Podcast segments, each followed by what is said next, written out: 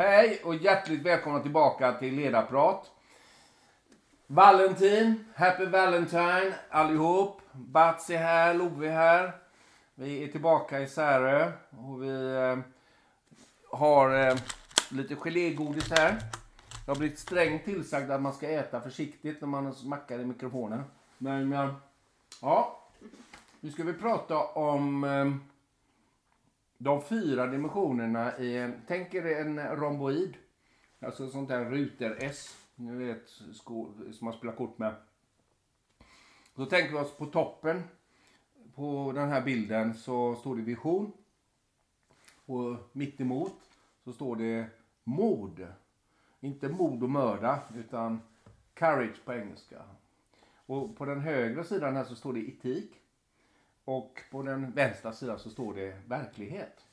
Och då kan man ju fundera på vart vill jag komma med det? Jo, en vision är aldrig mätbar. Den är aldrig mätbar. Det ska vara som god parfym som dröjer sig kvar i en, en hiss och jag kommer in där och jag är alldeles själv och jag kommer fundera jättemycket på vem var den personen eller var det en delivery boy från, från DHL eller något sånt där som, som uh, hade någon trasig flaska. Så jag kommer aldrig få reda på det. Men den drar mig framåt genom livet. Det är visionens mening. Det är ingen dröm, det är ingen fantasi. Ett mål är alltid mätbart. Alltid mätbart. Och eh, det ska vi se då vad som står mitt emot eh, visionen. Jo, det är modet. Jag har fått en... Jag har kommit på att Higgspartikeln finns där. Va? Jag är jätte, jättesmart. Jag kan inte bevisa detta. Men jag har teorin. Och jag går ut i världen och pratar om det här. Och jag har ett jättemod och så träffar jag Bats. Och så säger jag till Bats. Ja, titta jag har hittat en sån här partikel. Och Bats. Okej. Okay. Ta något annat. Och så springer jag till Love. Så säger Love jag har hittat den här Higgspartikeln. Ja, ja, men kör mig till jobbet istället. Ta lite på med det här nu. Men till slut så hittar jag någon som verkligen tror på min vision. Och, och då är vi två, och, så, och tre och fyra. Och det har skapat ett motsatsförhållande mellan den här omätbara visionen och mitt mod att verkligen gå ut och prata om den. Göra någonting med den. Etik är ju hur ser jag på min medmänniska och allt levande. Alltså, I den etiska kontexten så är det hur ser jag på detta? Och moralen i det då är ju hur agerar jag utifrån mitt perspektiv? En av mina bästa vänner, han heter Khalid. Han bor i Abu Dhabi i Förenade Arabemiraten. Han har alltså enligt lagens bokstav eh, rätt att ha tre fruar. Medan jag är gift då med en präst i Svenska kyrkan. Vilket gör att man kanske är mer eh, med begami och annat i det här landet så är det väl lite lämpligt att ha en fru i taget kanske. va men jag kan ju inte säga att Khalid är oetisk eller omoralisk. Men ur min kontext så blir det ett problem. Och han tycker ju åt andra hållet naturligtvis. Och då gäller det ju att vi landar på den andra kvartilen mitt emot etiken, nämligen verkligheten. Saker är som de är. Och jag brukar säga det att don't have any illusions. Men saker är som de är. De är faktabaserade och de måste hanteras på något sätt.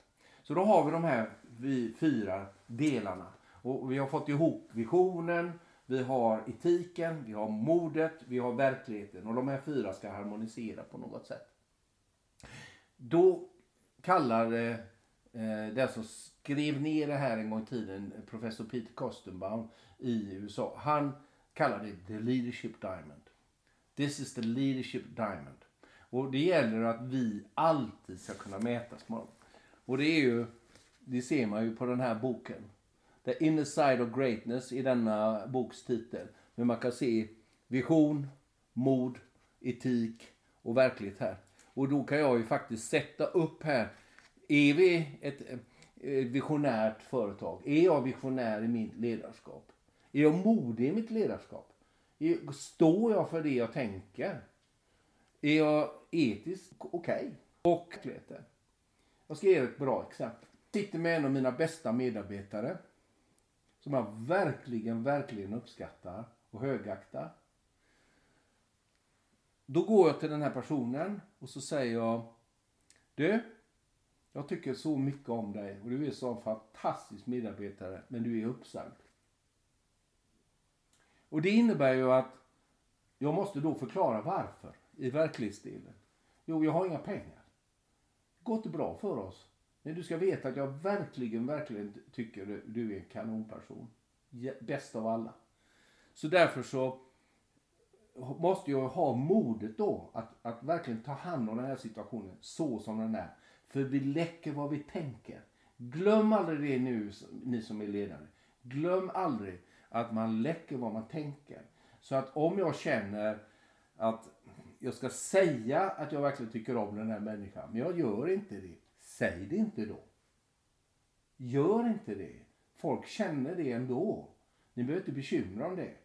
Däremot, om jag försöker så här, hitta på nödlögner i verklighetsdelen om att ja, vi har strukturella förändringar och massa snömos som jag brukar kalla det. Gör inte det heller. Utan vi har en gemensam vision, vi hade modet att göra det. Vi fick inte ihop pengarna. Därmed så måste jag göra bort mig. Ta bort den här personen. Och när jag har gjort det så fortsätter ju nästa eh, resa tillsammans. Och det är att jag är helt övertygad om att man möts alltid två gånger. Så vänner, i ert ledarskap, skilj inte er under fiendeskap. Var med i verkligheten. Jag vill inte arbeta på den här arbetsplatsen. Eller jag vill inte ha den här medarbetaren. Ta den konflikten istället då. Men undvik den inte. Det är väldigt viktigt. Sen har jag funderat lite grann på det här. När man tänker de här fyra dimensionerna och jag har visionen här uppe. Och, och jag drivs av den. Det, det ska vara förnimbar. Den ska vara kortfattad. Den ska vara fattbar. Man ska förstå den, man ska tro på den när man hör den. Så när ni som ledare formulerar era visioner, underskatta inte detta. Många gånger lägger vi ner på mål och budgetar och jobb och jobb och jobb och kvartalsrapporter. Vi skiter många gånger i visionen. Jobba med visionen istället. För då får ni ett långt liv. Och det krävs stort mod att stå upp för sin vision. För den blir alltid frågasatt. Och om man misslyckats så beskriver den för mycket eller att den är inte obegriplig. Man kan inte ta till sig den och lägga den i sitt hjärta. Eh, och då eh, krävs ju det i organisationen att, att man har ett etiskt gott förhållningssätt till varandra. Eh, och ett moraliskt någorlunda bra fundament i sin organisation och sitt ledarskap. Och det får ju ni jobba med. Jag jobbar med detta dagligen. Jag misslyckas hela, hela tiden. Jag misslyckas att jag tycker jag blir för operativ. Jag glömmer bort vad det är som drar mig framåt inom livet. Jag tappar, jag tappar modet. Jag blir, usch, när det är obehagligt så kryper jag under täcket och gömmer mig. Jag är inte alltid ärlig och jag säger inte riktigt som det är eller jag, jag fegar ut på något annat sätt med min medmänniska. Och jag kan inte alltid förhålla mig till verkligheten. Jag är tidsoptimist, jag är född sån, I know. Sån är jag bara. Men jag blir bättre och bättre. Men i och med att jag är medveten om att jag eh, har det här, liksom, att jag, ja, jag klarar nog detta också. Och så, så startar jag en ny aktivitet fast att jag skulle vara här och prata med er. Men det kan ju inte vara på två ställen samtidigt. Och när jag var 20 år yngre, 25 år yngre så kan ni fråga medarbetare som jag hade på den tiden. Det var ett fullständigt elände. För jag kom in i rummet tre timmar försenad och kände ingen ånger, kände ingen skam, kände ingenting. De hade suttit och väntat på mig. För jag hade väl varit någon annanstans. Och så körde vi på bara. Tills en, en hade modet så här, men du är ju aldrig i tid. Har du ingen respekt för mig som människa? Och jag bara, jo det har jag väl. Du är ju bästa medarbetaren. Så, men varför bär du så åt mot mig då? Och där lärde jag mig något väldigt viktigt. Att då får jag jobba med min verklighet. Och det var tidsverkligheten. Klocktiden har jag problem med. Och i och med att jag var medveten så blev det per definition också en bättre etiker. Så nu har jag lärt mig att man kan göra tre saker samtidigt. Men man ska vara någorlunda i tid när de är klara.